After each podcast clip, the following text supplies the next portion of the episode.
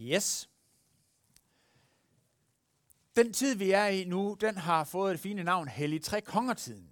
Og det er tiden mellem jul og faste. Og øh, vi er i dag ved første søndag efter Hellig Tre Konger. Det er jo Hellig Tre Kongers søndag sidste søndag.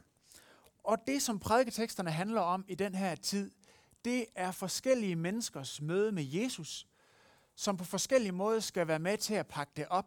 Hvad var det egentlig lige med det her Jesusbarn? Nu har vi fejret jul, og ja, det var dejligt med nogle fridage, der var nogle dejlige brunkager, og, og der var juletræ, det var hyggeligt, men det er over nu. Og hvad var det så lige med det der Jesusbarn? Hvad var det lige, det var med det?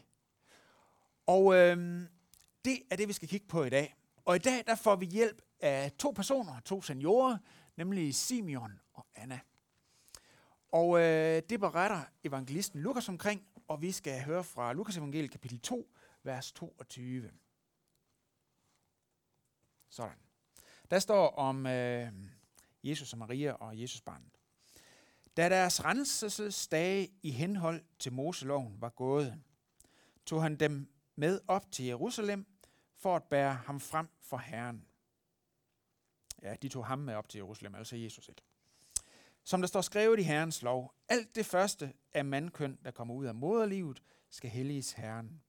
Og for at bringe offer, sådan som det er foreskrevet i Herrens lov, et par turteldunger, turtelduer eller to dueunger. I Jerusalem var der en mand ved navn Simeon. Han var retfærdig og from og ventede Israels trøst.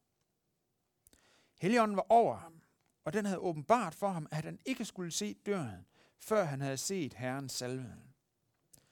Og tilskyndet af ånden kom han til templet, og da forældrene kom ind med barnet Jesus for at gøre med ham, som det var sædvane efter loven, tog han barnet i sine arme og lovpriste Gud. Herre, nu lader du din tjener gå bort med fred efter dit ord. For mine øjne har set din frelse, som du har beredt for alle folk. Et lys til åbenbaring for hedninger og en herlighed for dit folk Israel. Hans far og mor undrede sig over det, der blev sagt om ham. Og Simeon velsignede dem og sagde til Maria, hans mor, Se, dette barn er bestemt til fald og oprejsning for mange i Israel, og til at være et tegn, som udsiges. Ja, også din egen sjæl skal et svær gennemtrænge, for at mange hjerters tanker kan komme for en dag. Der var også en profetinde ved navn Anna, en datter af Fanuel af Aserstamme, hun var højt oppe i årene, og som ung jomfru var hun blevet gift og havde levet syv år med sin mand, og hun var nu en enke på 84. Hun forlod aldrig templet, men tjente Gud dag og nat med faste og bøn. Hun trådte frem i samme stund og priste Gud og talte om barnet til alle, der ventede Jerusalems forløsning. Amen.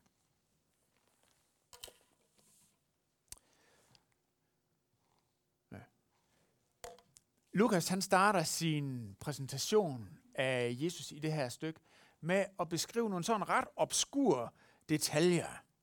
Han starter med at sige, at øh, alt det første, af han kunne komme ud af moderlivet, skal helliges Herren, og så det her med at ofre et par dueunger eller turtelduer. Hvad er det lige, der sker der? Hvad er det, han prøver på at fortælle, og hvad er det, vi som udenforstående misser? Lige umiddelbart i det der. Jo, for at forstå, hvad det er, der foregår her, der skal vi tilbage til det gamle testamente, til 2. Mosebog, kapitel 13, vers 14, hvor der står sådan her. Kapitel 13, vers 1, vi starter fra vers 1 af. Herren talte til Moses og sagde, du skal hellige mig alle førstefødte. Alt det første, der kommer ud af moderlivet hos israelitterne, skal tilhøre mig. Det gælder både mennesker og kvæg. Og når din søn i fremtiden spørger dig, hvad betyder det, skal du svare ham.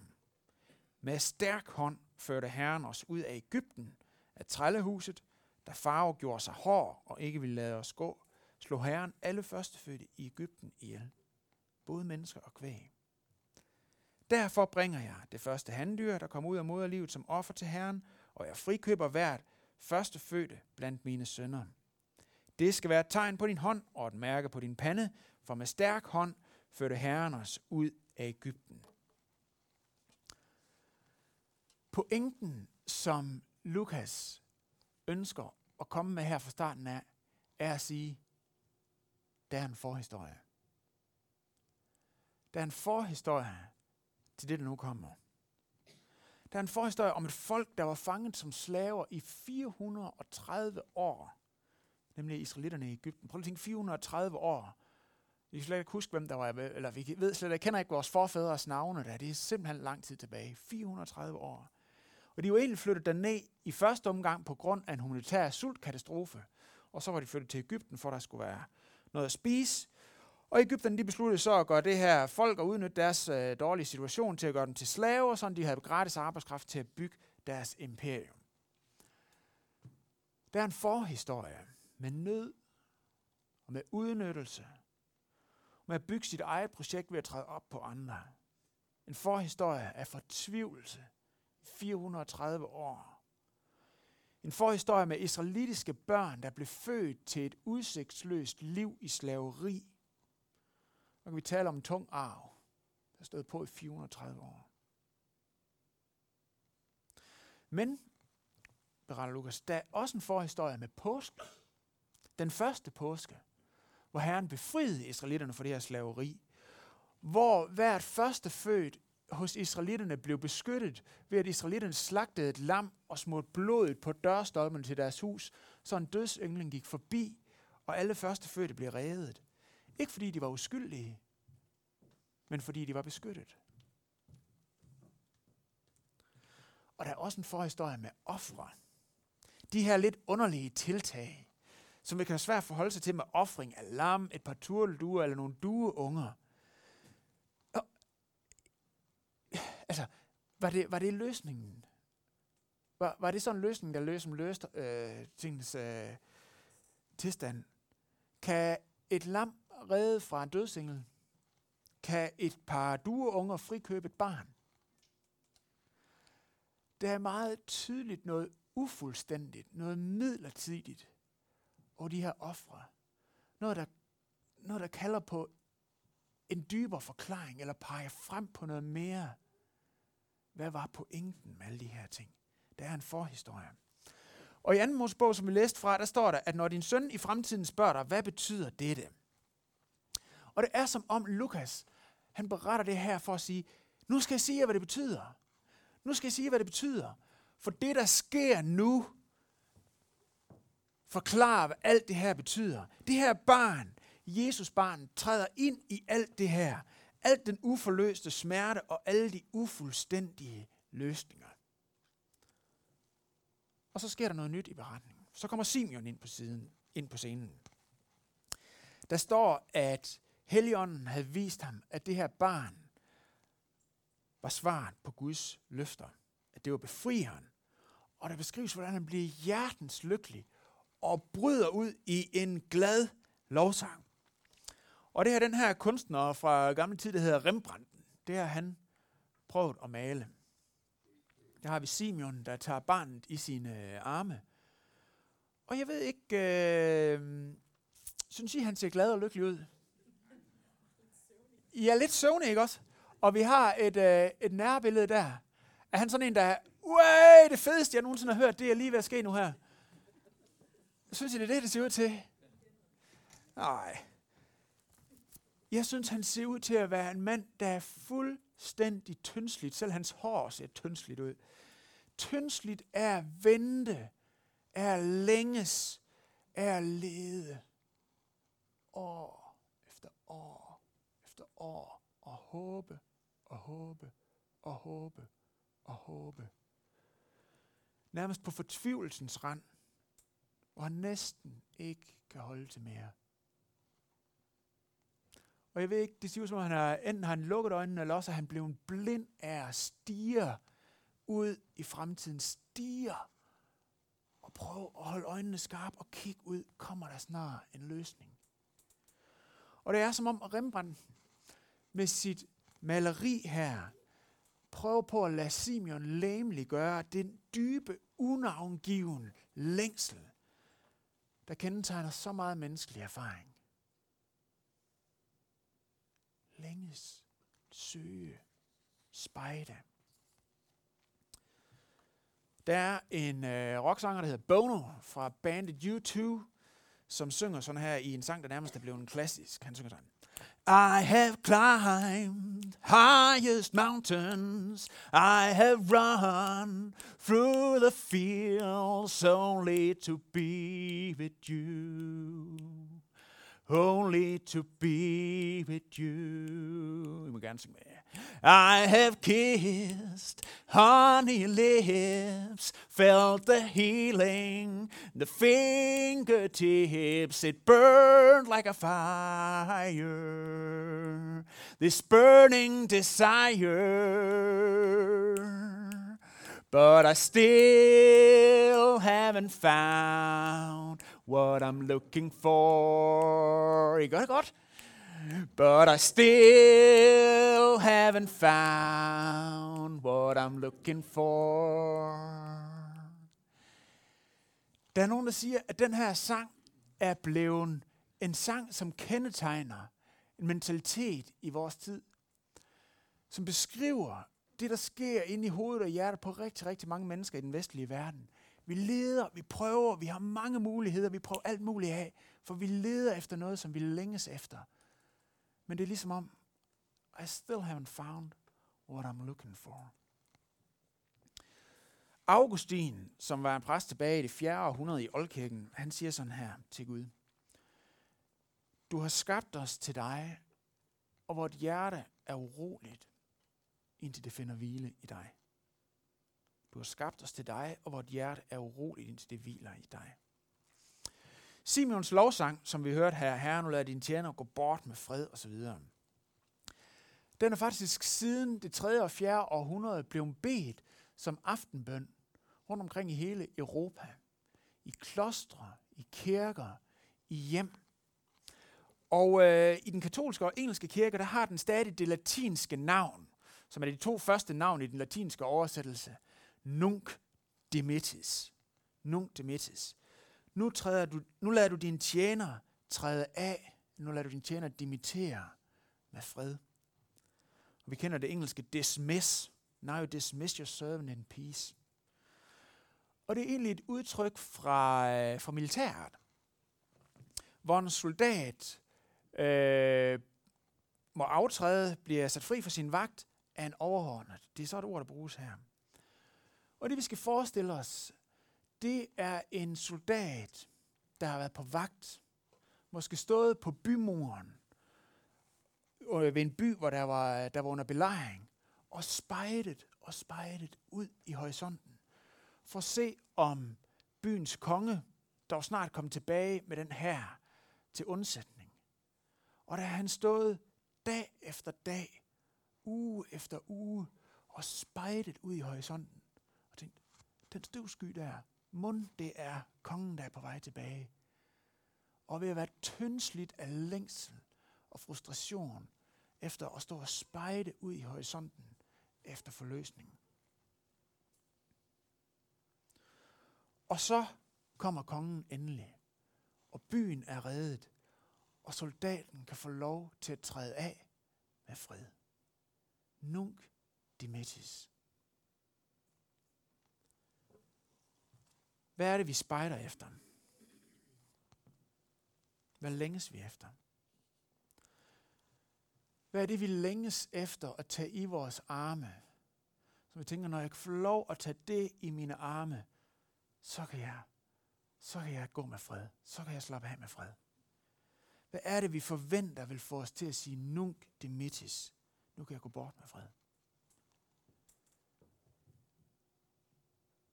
Er det det, at vi ikke længere skal spekulere over vores økonomi længere. Vi ved, nu er der ro på det. Ja, det er der styr på nu.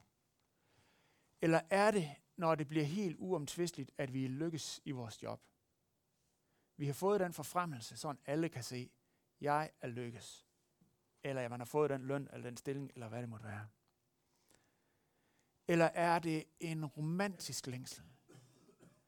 Og hvis bare jeg igen kunne opleve forelskelsens perfekte verden, så ville jeg kunne gå med fred. Eller er det, hvis bare jeg kunne klare de her tre ting til perfektion og sætte et endeligt flueben, dang, dang, dang, løst perfekt. Så vil jeg få overskud, fordi så vil det ikke længere være noget, jeg bliver ved med at rende efter, og så kunne jeg have fred. Hvad er det, vi længes efter at tage i vores arme? Der kan være mange ting, der kan blive vores fake Jesus-barn. Som vi siger, åh, det må jeg have lov at tage i mine arme, så vil alting være godt. Og der er noget forstyrrende i den her tekst, som ellers primært er fyldt med glæde og, og, og, og forløsning. Der er noget forstyrrende i det, som Simon han siger til Maria. Han siger, se, dette barn er bestemt til fald og oprejsning for mange i Israel og til at være et tegn, som modsiges, for at mange hjerters tanke kan komme for en dag.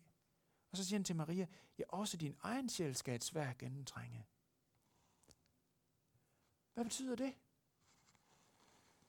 Jeg prøver at se, selv Jesu mor, den fromme Maria, og alt muligt, som var all in der gang, at hun sagde, øh, fik at vide at hun skulle blive Jesu mor, hun sagde bare, yes, det er okay. Selv Maria havde et fake Jesus barn. En forventning om, hvad det ville give hende fred. Nemlig en messias, som skulle banke Israels fjender og smide romerne ud. Hun havde en etnisk, national, politisk fake messias i sit liv. Og hvis vi læser to kapitler længere frem i, i Lukas evangeliet, så kan vi se, at Lukas beretter om, da Jesus han var blevet voksen, hvordan at han er at prædike i synagogen i sin hjemby, og de bliver rasende over at høre det, som han siger, og vil dræbe ham, fordi han ikke leverede på deres forventninger. Han levede ikke op til deres forventninger om, hvad Messias skulle være, og der står, at de vil skubbe ham ud over den skrænt, deres by er bygget på for at slå ham ihjel. Og der står ikke noget om, at Maria, hun heroisk hævde fast i Jesu bukseben og sagde, nej, nej, nej, nej, nej, det er min søn, I må ikke gøre ham noget. Og der står ikke noget om Jesu brødre, Jakob og Joses og øh, Judas, at de gik ind og prøver på at beskytte Jesus. Står der ikke noget om. Og hvis vi læser i Markus evangeliet, så kan vi se, hvordan at Jesus og Jesu brødre mente, at Jesus han var tosset til at starte med. Han leverede ikke på deres forventninger. De havde en anden fake messias. Der kan være tanker dybt i vores sjæl. Længsler, som bliver nødt til at komme for en dag. Komme frem i lyset. Det er det, det udtryk betyder. Der kan være fake messiaser i vores tanker. Forestillinger om, hvad der er skønhed. Hvad der vil give frihed. Hvad der er virkelig sandhed. Hvad der er retfærdighed, og hvad der giver lykke. Tanker, som Jesus må modsige fordi de står i vejen for, at vi kan modtage det, som han har til os. Ting, vi må lade falde, for at Gud kan komme til at oprejse os. Der står i teksten, dette barn er bestemt til fald og oprejsning for mange. En gang imellem så er der noget, som vi må lade falde. Som sidder som sådan en flaskeprop. Vi skal se et øh, filmklip med et vidensbyrd. Det kommer her. Værsgo. When I was young, at the age of about 12, my mother had a major nervous breakdown and she was hospitalized for extended periods of time. My father also struggled with alcoholism. I had two brothers, and we were basically left in many ways to raise ourselves. Going to bed at night at the age of about 12, my mother, she tried to kill herself. My father was out drinking. And um, I remember through my tears saying, God, if you're there, I hate you. I so hated God. I was so angry at God. I was so filled with bitterness and resentment. Those experiences marked me, and I decided the childhood that I had was not going to be my life. At the age of 18, I committed to the idea of becoming a millionaire by the age of 30.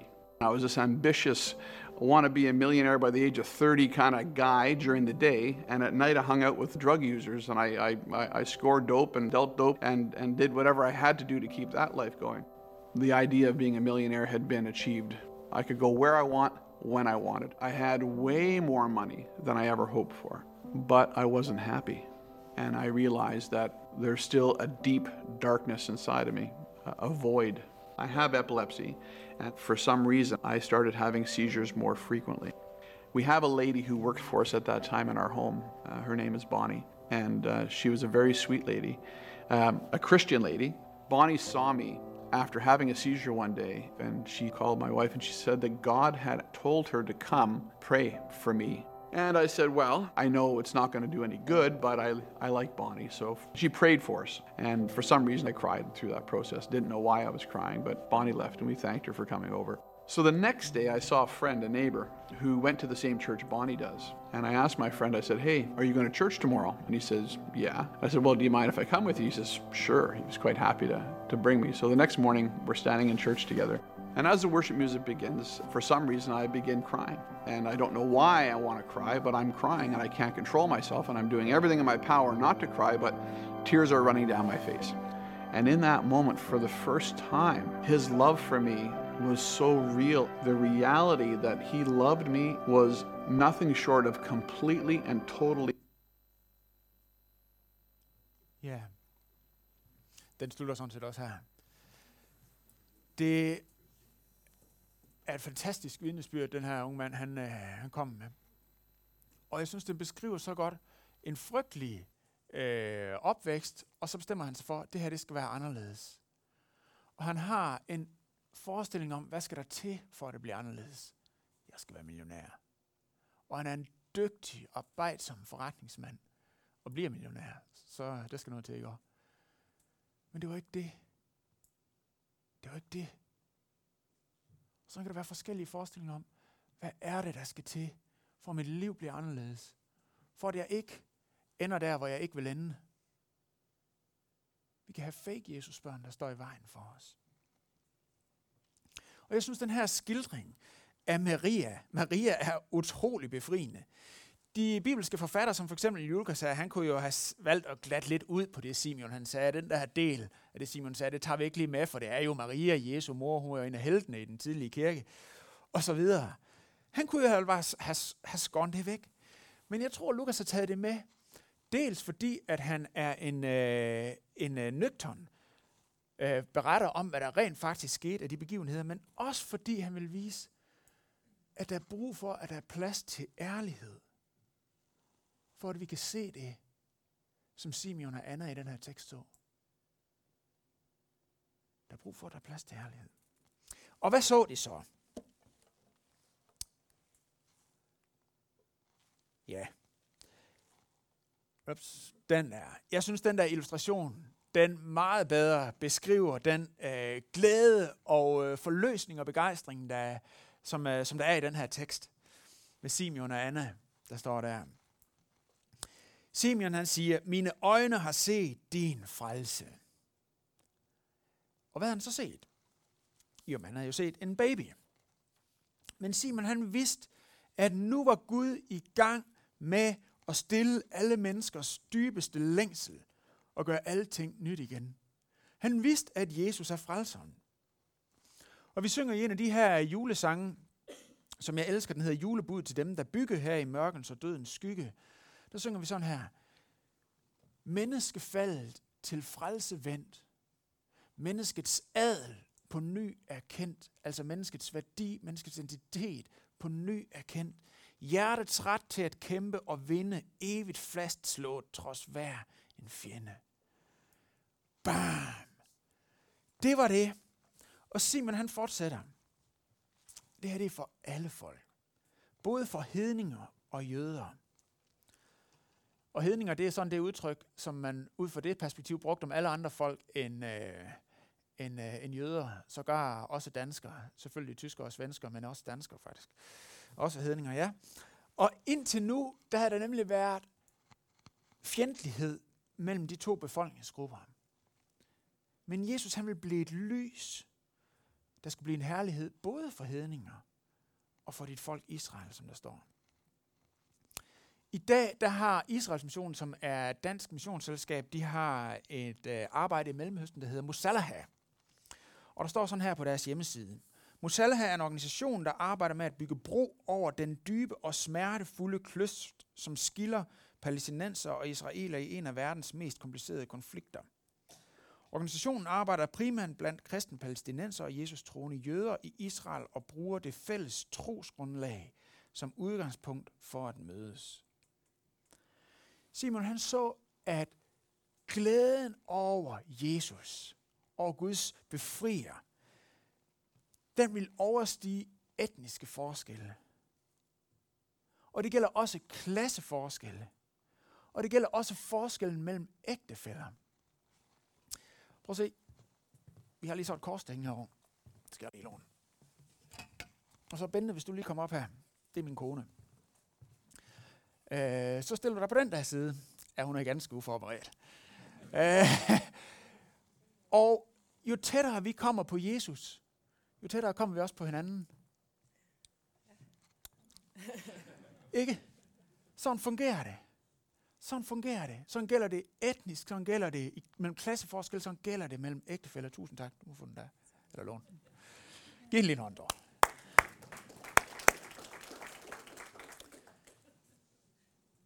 Det kan noget, det her. Og så se lige Anna, som står der.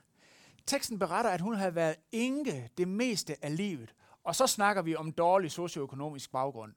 De var øh, fuldstændig uden for øh, velfærdsstatens rækkevidde af enker, for de havde ingen til at forsørge dem, og det var ikke en anset position at have i samfundet at være enke. Det havde hun været i ja, det meste af hendes liv. Jeg kan ikke lige huske, hvor lang tid. Men der står, at hun er fuld af tak og taknemmelighed til Gud. Og så er hun oldgammel. Og alligevel så taler hun om Jesus til alle, som ventede Israels trøst, står der i teksten. Prøv lige at forestille jer de her to gamle næsser som på trods af omstændigheder er fulde af taknemmelighed og glæde og fred og et stærkt vidnesbyrd om Gud. Hvad? Hvor mange af jer vil gerne blive sådan en gammel næse? Det vil jeg gerne. Sådan en gammel næse vil jeg godt blive. Okay, det går vi efter så. De havde fået deres historie, deres livshistorie ændret. De havde hørt deres nunk dimittis. Du kan gå med fred. Du kan gå med fred, for jeg er kommet. Jeg tager over herfra. Du kan gå med fred. Jeg er din redningsmand, din frelser. De havde set Jesus og konkluderet, at alt længslen, alt søgen, alt ventetiden, alt satsningen, alt tilliden, at han var det hele værd. Men hvordan kan det gå til? Hvordan kan det hænge sammen? Jo, hvis vi læser videre frem i Lukas evangeliet, så læser vi på et tidspunkt om, at Jesus får sit nunc dimittis på korset. Men han siger ikke, far, jeg går lige med fred herfra. Jeg smutter nu. Han siger, far, Tilgiv dem, for de ved ikke, hvad de gør. Han siger, lad dem gå bort med fred. Han så ned fra korset og konkluderede, de er det hele værd. Du er det hele værd. Og det kan ændre din historie. Så kig på ham. Bliv utrættelig ved med og stiger på ham, til du ser herligheden, og til du hører ham sige, min ven, du går med fred. Amen. Lad os rejse os op og bede.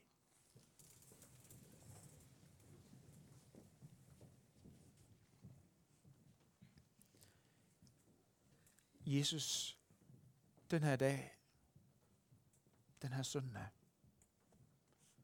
står vi foran dig.